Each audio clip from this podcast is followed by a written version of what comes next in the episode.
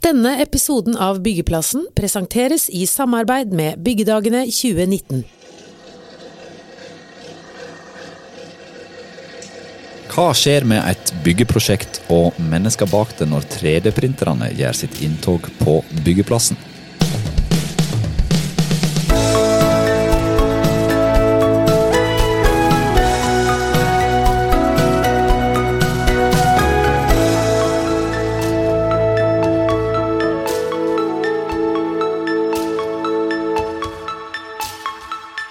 Du skal ikke altfor mange år tilbake i tid før 3D-printing var et eh, fremmedord for de aller fleste av oss. Men nå, i 2019, så er 3D-printing og bruk av roboter i ferd med å bli dagligtale i mange næringer.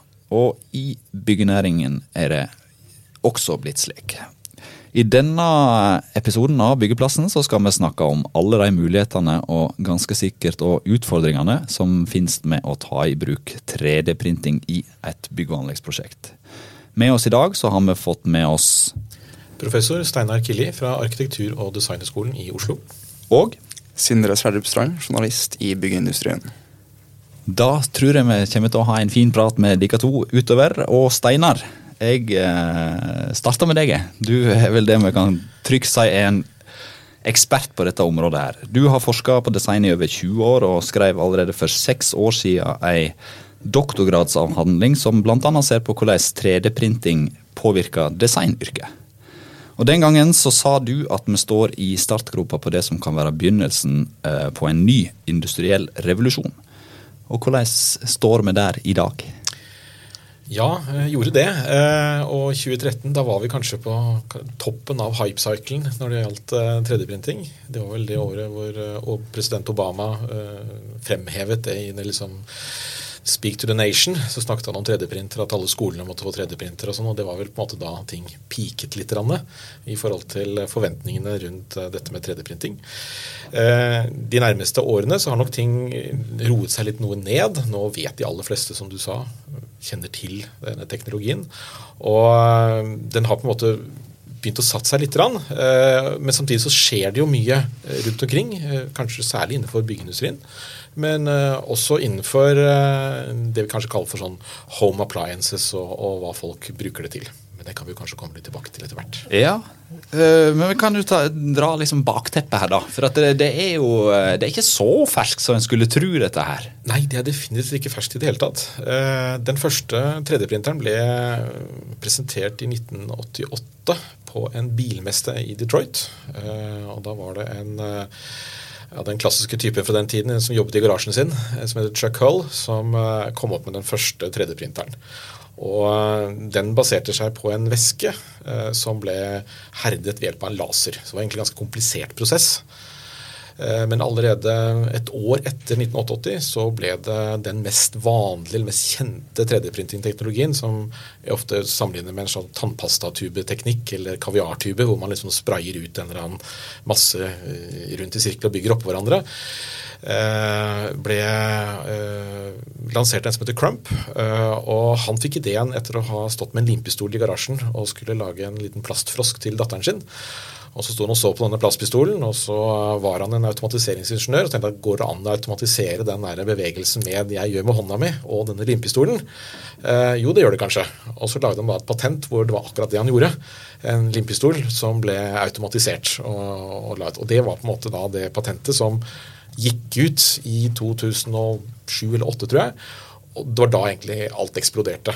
For da var det plutselig fritt fram på hvem som helst å lage disse relativt enkle eh, 3D-printerne som han da på en måte la grunnlaget til. Blei dattera fornøyd med den frosken? Det sier historien ingenting om. det sier ingenting om.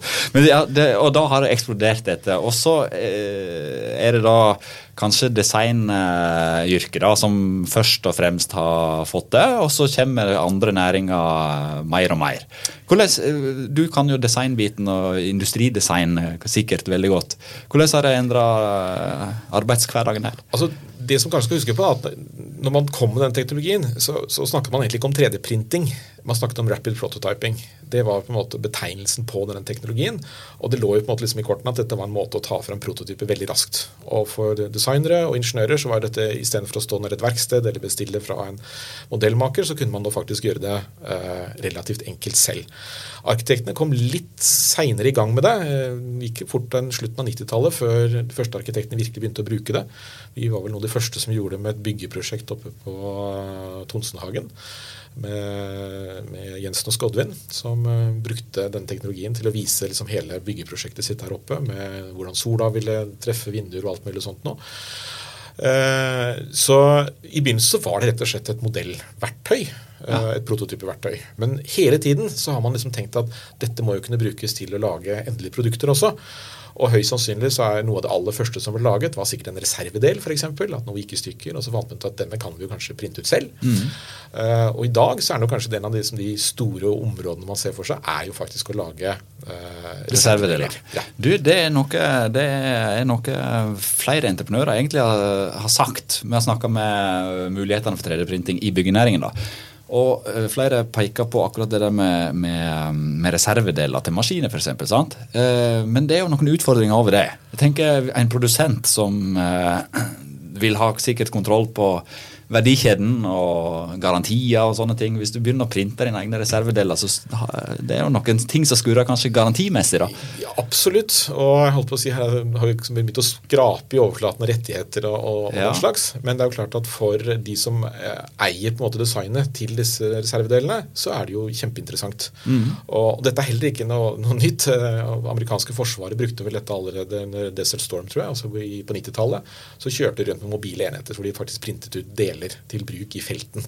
Så, men da eier jo på en måte de designet, eh, ja. og da er det jo for så vidt uh, greit. Problemet blir jo mer når folk begynner å kopiere det og, uh, og gjøre andre ting. Uh, da begynner vi å få utfordringer.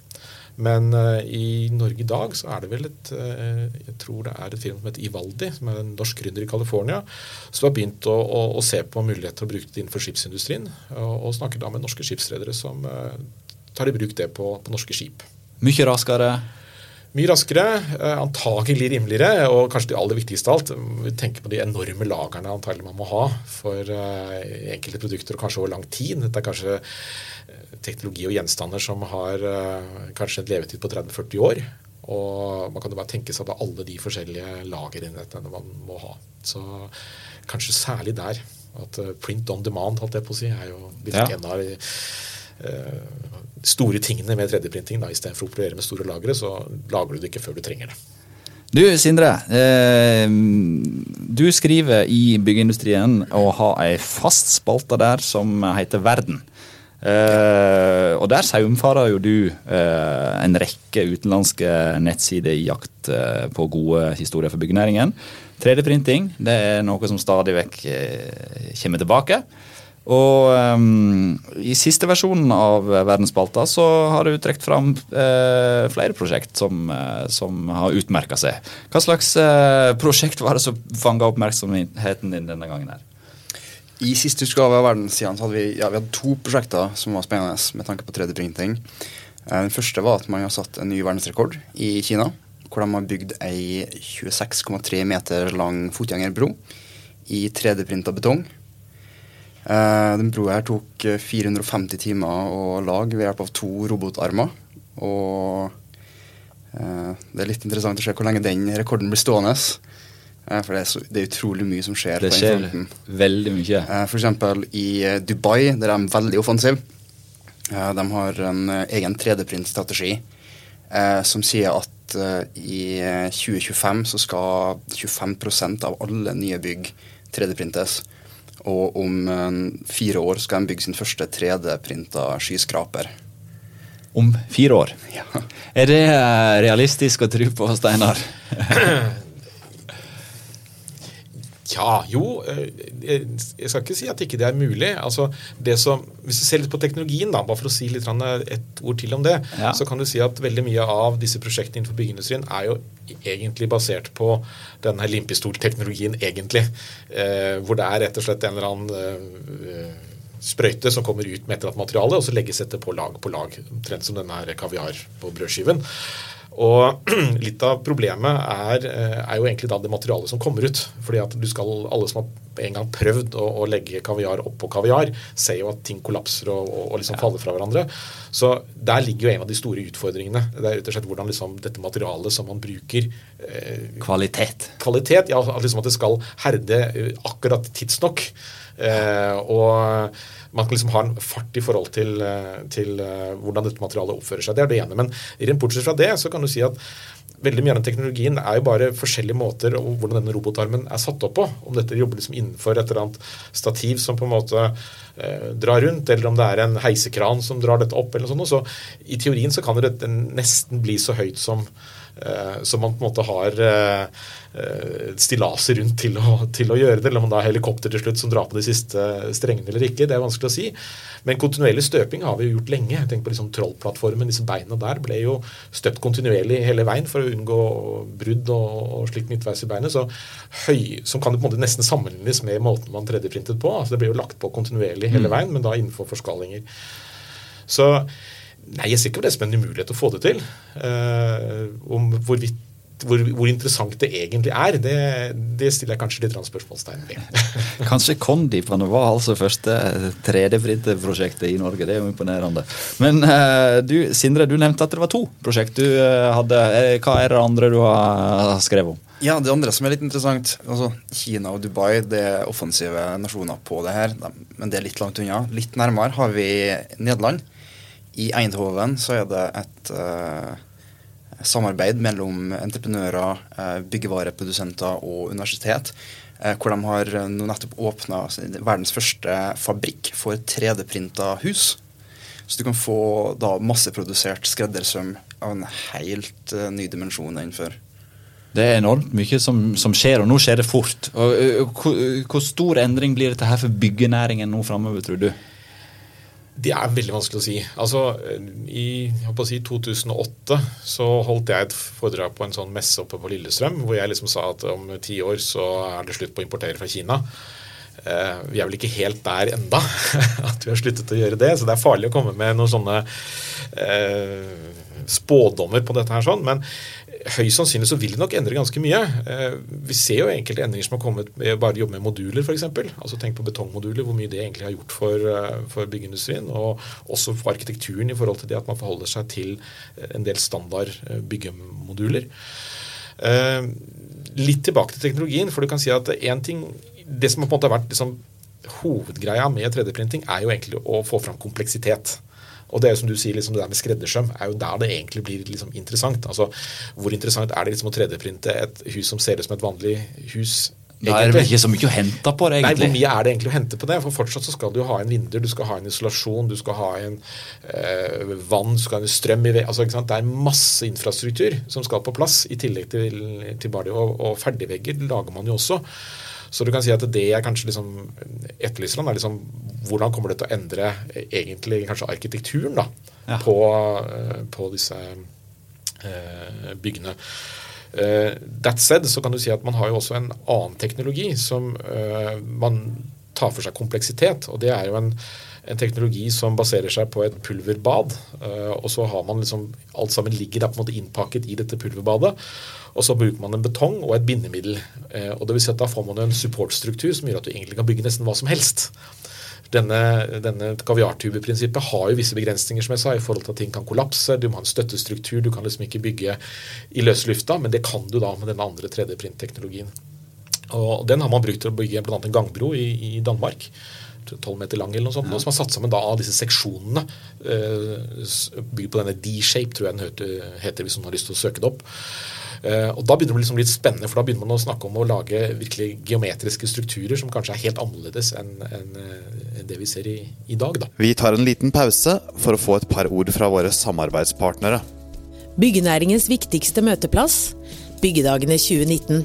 Sett av datoene 3. og 4. april. Da braker det løs med Byggedagene på Oslo Plaza. Følg med på bygg.no. Og da er vi tilbake på byggeplassen. Disse her gangbruene det er jo noe som går igjen. for Det, det, det der det skjer ofte. Og i Nederland, i Amsterdam, så har jeg 3D-printa ei stålbru. Uh, og han, uh, sjefen i det selskapet uh, som, som printa det eh, byggverket der. Han heter Geis van der Felden, og han var på Norsk Ståldag nå nylig. Han sa det, eh, at det, det selskapet det var eh, tufta på eh, designere og så eh, kunstnere. Eh, og så spurte han ja, hvorfor er det bare kunstnere og designere i det selskapet, og hvorfor er det ikke folk fra byggenæringen som liksom drar det her eh, løftet her. Og Da mente han uh, det at, uh, at ja, byggenæringen har, har så lave marginer, ting må skje så fort. Og hvis du skal ha en innovasjon i byggenæringen, så skal den betale seg i løpet av to år, kanskje. Og da, da får ikke du det dreivet og den innovasjonen. Da blir det bare en ny idé, mente han da. Eh, tror du det er tilfeldig at det er kunstnere og designere som pusher litt an sjøl i byggenæringen? Nei, det er nok ikke det. Selv om arkitekter er jo jeg vil jo Ja, det er vel kanskje litt mer kunstnere, da. Ja, jeg vil jo ta med arkitekter i den, Ja, i den, i den, i den gruppen der. sånn. Og, og det på en måte jeg tenker har vært interessant rundt det å bruke 3D-printing i, i byggen, innenfor byggebransjen, da, og da tar jeg liksom med arkitekturdelen, er jo Man hadde et prosjekt gående på Loughborough, universitetet der, hvor en del arkitekter og forskere rundt dette her så på hvordan man kunne egentlig bygge helt andre strukturer, altså som ble inspirert av sånne termittuer i ørkenen og sånn, for å få til sånne gjennomstrømningskanaler i varme strøk osv. Og den strukturen der er veldig vanskelig å bygge i, eh, med klassiske produksjonsmåter, men fantastisk enkelt å bygge ved hjelp av 3D-printteknologi. Så du kan si at eh, jeg tror kanskje mer på at hvis dette får et eh, eh, Kommer virkelig til stedet, så vil det på en måte gjøre noe med endringen av arkitekturen, da, eller byggeskikken, eller hva vi nå skal kalle det. Eh, og så vil det selvfølgelig komme eh, automatiseringer på byggeplassen, men avstanden eller forskjellen mellom en 3D-print og en automatisering begynner jo å bli ganske sånn liksom ganske diffus, egentlig. Hva er, hva er forskjellen egentlig på en, en robotarm og en automatisering og en 3D-printing? Eh, man kaller det liksom 3D-printing, og det høres mye flottere ut, men kanskje vi kan ikke bare snakke om en, en robotarm hvor det er festet på en eller annen eh, betongslange på, for å si det sånn. Eh, og det tror jeg vi kommer til å se mer og mer av. Automatisering får vi på alle, alle plan. Så Det- absolutt. Så jeg, jeg, den, den tror jeg på en måte er på full fart inn. Men eh, jeg er kanskje mer, ja det kommer litt av hvor jeg kommer fra, mer spent på hva det kommer til å gjøre med uttrykket. da. Altså hva kommer til liksom å skje med eh, både produktene våre ut fra en sånn vanlig industridesignperspektiv, men også eh, ut fra et arkitektonisk perspektiv. Hva, hva kommer det til å føre til endringer? Det sa jo du egentlig før vi gikk inn her i eh, studioet vårt, Sindre, at i begynnelsen så var det bare kjedelige firkanter og kasser, og så har det bare det blomstra mer og mer. Du var kanskje inne på det i stad. Jeg tror første gangen vi skrev om 3D-pynta hus i byggeindustrien, da var det kineserne som hadde eh, greid å lage et hus i løpet av 24 timer. Og det var en stygg kulvert. Ja. eh, uten vinduer, kun åpne kortsider. Eh, en, en, ei, kasse, og ei stygg kasse. Eh, det som får nå, eh, de eh, i Nederland som har laga fabrikken, de har de lansert i fjor det som skal være verdens første kommersielle 3D-printa boligprosjekt.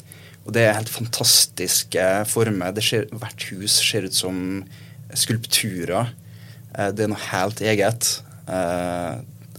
Og da er du jo inne på Da, da får du det endringen i arkitekturen, da. Ja, altså En av de tingene som har fulgt meg mens jeg holdt på med dette hele tiden, og begynte å snakke om det, kan vi lage endelige produkter av det, det er jo at da bedrifter kommer med en eller annen del, og så sier de kan du 3D-printe denne her? Og så sier de ja, det kan jeg gjøre. Ja, blir det billigere? Nei, det blir det ikke. Ja, Blir det bedre? Nei, det gjør det antagelig heller ikke. morsommere. Hvorfor i all verden skal vi gjøre det? Nei, du må antagelig redesigne den delen helt på nytt. Sånn at den på en måte, hvor du på en måte tar hensyn til de mulighetene du nå får. Altså, Dette var kanskje for eksempel noen plater som var sveiset sammen. Det ville vært helt meningsløst å 3D-printa ut noen, noen plater, f.eks. At kanskje de kunne vært eh, det vi kaller for topologioptimalisert. topologi optimalisert. Dvs. Si at man har fjernet mye materiale, f.eks. Eh, eller redesignet ting med tanke på hva det skal brukes til. Så eh, jeg tror vi liksom må komme oss liksom bort ifra det at kan vi liksom lage eksakt det samme eh, nødvendigvis veldig mye raskere. Og Jeg husker også dette huset kan Kanal Vindsund eller noe sånt i 2014 eller noe sånt, noe, som begynte med dette her, eh, disse husprosjektene. og de, de så jo ikke Jeg har aldri sett i virkeligheten, jeg har bare sett bilder av det. Eh, Men de sier jo det går fort, og det er vel et russisk firma i dag som sier at de har satt opp et, eh, et hus på rundt 30-40 kvadratmeter for 10 000 dollar eller noe sånt nå, i løpet av relativt kort tid. Men da har man jo ikke tatt hensyn til alt det andre som skal med der. da, i forhold til at Det skal jo stå på et eller annet fundament, det skal være vann og strøm og alt mulig sånt. noe, Men rent sånn teknisk mulig, så er det jo mulig å sette opp ting veldig raskt. Ja. Jeg tenker også En stor mulighet med 3D-printing eh, i byggenæringen er jo kanskje å redusere avfall og, og sånne ting. Eh, det er jo et kjempeproblem i byggenæringen med avfalls, eh, avfallsmengder. Tror du det kan være en forse for 3D-printing framover? Ja, det tror jeg nok. For som jeg sier at En av de tingene som vi da har sett på når folk kommer med f.eks. nå sier jeg produkter, da, som er ting, men som også kunne vært større ting, er jo det at høyst sannsynlig så bruker du veldig mye materiale som kanskje ikke er nødvendig. Altså Du kunne antakelig optimalisert designet. Uh, og jeg ser ingen grunn til at ikke man kunne på en måte optimalisert designet uh, på en uh, byggeplass også, eller på et bygg. Det kan man helt sikkert gjøre. og Da kan man jo på en måte spare en del materialer der. Og i tillegg så har man jo da en metode som på en måte egentlig ikke har noe avfall, egentlig. Da. Det som du går inn der, det er det du bruker.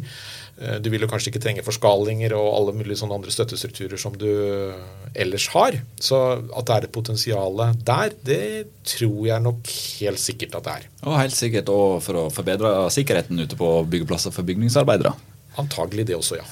Uh, men hvis du, det vi ser da uh, av prosjekt som går igjen, er, og det, det, kjenner vel du til, Sindre, er, er ikke det, bru, det er bruer, og så er det noen sånne enkle boliger? Eller, er det noen andre mer spektakulære, spektakulære ting som rører seg, eller er det de litt kjedelige tingene ennå? det er mye bruer og mye hus, for det er konstruksjoner som vi trenger masse av. og sånn som du sier også, Steinar, at Uh, du skal bygge ei bro, og du kan bruke 3D-printing. Da kan du også lage ekstremt uh, spennende eh, former som sparer mye materiale. For det er jo materialintensive konstruksjoner. Uh, men én ting. I USA i 2017 nå, så lyktes man med å 3D-printe nesten ei hel gravemaskin i forskjellige materialer. Du hadde en, en lavkarbonstål som utgjorde stikken. Du hadde noe karbonfiberforsterka plast til huset og ei, en varmeveksler i aluminium, som alt ble bare printa og satt sammen. Eh, og altså med, med 3D-printing så er virkelig the sky the limit. Det, det høres ut som at byggenæringen er midt i hjertet av alt det der. Absolutt, det tror jeg nok på. Men sånn til litt i spørsmålet ditt, er det bare broer og hus? altså snakket med en, arkitekt som uttalte at ja, vi må i hvert fall komme oss videre hvorfor det bare blir disse spesielle paviljongene. Altså Det blir ja. veldig mye sånne ja. show-off-ting som på en måte er veldig sånn promoterende for det. Men, men, Du må få verdien av det. Ja, eh, og du kan si at en paviljong er jo spennende i seg selv, men der har man jo haugevis og bøttevis av eksempler på ny teknologi som har kommet til, eh, til bruk. Og ofte kan det være inspirerende for, for både arkitekter og andre å se hva en slik paviljong kan være. Men foreløpig så er man litt der. Eh, er litt mitt inntrykk, da.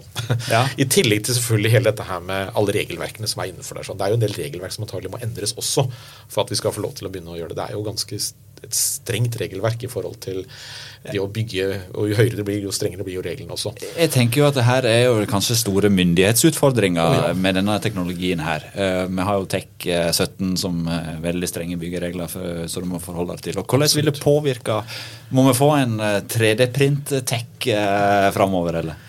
Jeg ser ikke bort ifra at noe sånt noe må, må komme. Og, og, det har jo vært en utfordring for den vanlige sånn gjenstands-3D-printingen også. At med en gang du beveger deg liksom inn i, i, i områder hvor ting skal være ISO-sertifisert, og det er strenge krav til eh, f.eks. Nordsjøen og alle andre steder, så er det jo det en av grunnen til at det stopper litt opp. Uh, at det er liksom vanskelig å ha gode nok kvalitetssikringer på det som kommer ut der, som man faktisk kan oppfylle de godkjenningene. For jeg tror ikke man kan lempe på kravene, uh, men de må kanskje innrettes litt annerledes. Eh, men de kan ikke bli liksom mildere selv om det er 3D-printing.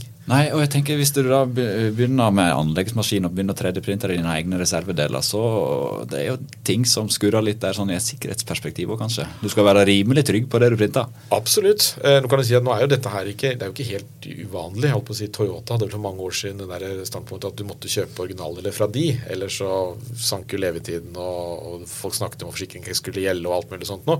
Så det å liksom, få deler fra tredjepart eller eller sånt, og Det er jo en, er en gammel problemstilling eh, som sådan. Eh, og den blir jo ikke noe mindre av å, å, å snakke om 3D-printing i forhold til det. Men jeg ser jo ikke noen grunn til at ikke de som eier designet, kan eh, også levere eh, reservedeler, egentlig. Nei. Eh, vi skriver som vi har nevnt om verden og det som skjer der. Men av og til så skriver vi om verdensrommet òg. Eh, og hvis du skal begynne å bygge i verdensrommet, Da må du virkelig eh, ta i bruk eh, 3D-printet teknologi, eh, antageligvis. Definitivt. Eh, de første menneskene som lander på Mars, bør egentlig komme til relativt dekka bord. Eh, temperaturer, stråling, eh, været der er såpass hardt at man må ha ly. Eh, og da er det ikke mennesker som skal bygge de eh, første boligene der. Vi må sende opp eh, antagelig roboter før oss. Eh, og um, allerede så har eh, den europeiske romfartsorganisasjonen, ESA, eh, lyktes med å fremstille eh, en eh, 3D-print eh, av simulert månestøv. De, de sveiser månestøv ved hjelp av sollys for å få murstein. Man kommer antagelig til å sende opp robotene som printer med lokale materialer. Eh, Her snakker vi virkelig sky's the limit. Her, Ja, nå, nå begynner vi å snakke. ja, det, det, det, blir, du engasjert av sånne ting, eller? Ja, altså, Jeg hører jo til den generasjonen som så på Star Trek når jeg var, eh, var ung og liten. Og jeg kan love deg at det er kanskje en av de mest viktige seriene for, for folk som har jobbet med, med 3D-print. Altså det, Hvis du snakker med de som fant opp dette, sånn, så var de alle sammen ganske hekta på den serien der. Og en av de liksom, viktige scenene der er jo det at han eh, bestiller noe fra en sånn der eh, replikator, og så kommer det da ut en kopp te eller eh, jeg tror en av disse standardkommentarene er liksom det er eh, tea Earl Grey hot, og så kommer liksom denne koppen med, med varm te ja. ut av den. Så, så der er det jo på en måte det er der, Jeg tror liksom de som begynte med dette, så hadde det nesten som en litt sånn eh, fantasi allerede. Uh, og som du sier, at jeg tror hvis man skal, skal tenke seg det å begynne å kolonisere Mars eller månen, eller hva det er, så er det er jo den måten det må skje på. Vi kan liksom ikke lande der som noen sånne drevet i land på en øy som en sånn Robinson Crusoe-ekspedisjon. Liksom. Det må nok helt andre ting til for at, eh, at det skal kunne bli virkelighet. Og da er 3D-printing garantert eh, en, en av verktøyene som må til. Og også eh, på 3D-printing i verdensrommet. I 2014 så printa de jo den første eh, pipenøkkelen på den internasjonale romstasjonen. De, NASA sendte en, et verktøy i e-post til verdensrommet, og de printa den ut der og brukte den. Det her, eh, det her kunne vi sikkert pra- prata veldig mye mer om, men nå, siden vi har klart å bevege oss såpass ut på viddene, som det Mars og månen og alt eh, det der er eh, Det er jo tross alt en pod for norsk byggenæring, dette her. Men det er veldig gøy. Så jeg tror vi setter streker der for denne episoden av eh, Byggeplassen og 3D-printpraten vår. Du har hørt byggeindustriens eh, journalist Sindre Sverdrup Strand og eh, designprofessor Steinar Killi. Eh, jeg heter Frode Aga, og Alf Magne Hillestad har som vanlig hatt ansvaret for lyden her i studio. Og gå gjerne inn og gi oss en liten vurdering i iTunes eller der du hører din podkast. Og abonner gjerne, så får du neste episode av Byggeplassen rett inn på telefonen din eller der du hører på oss. Så høres vi snart igjen. Takk for nå.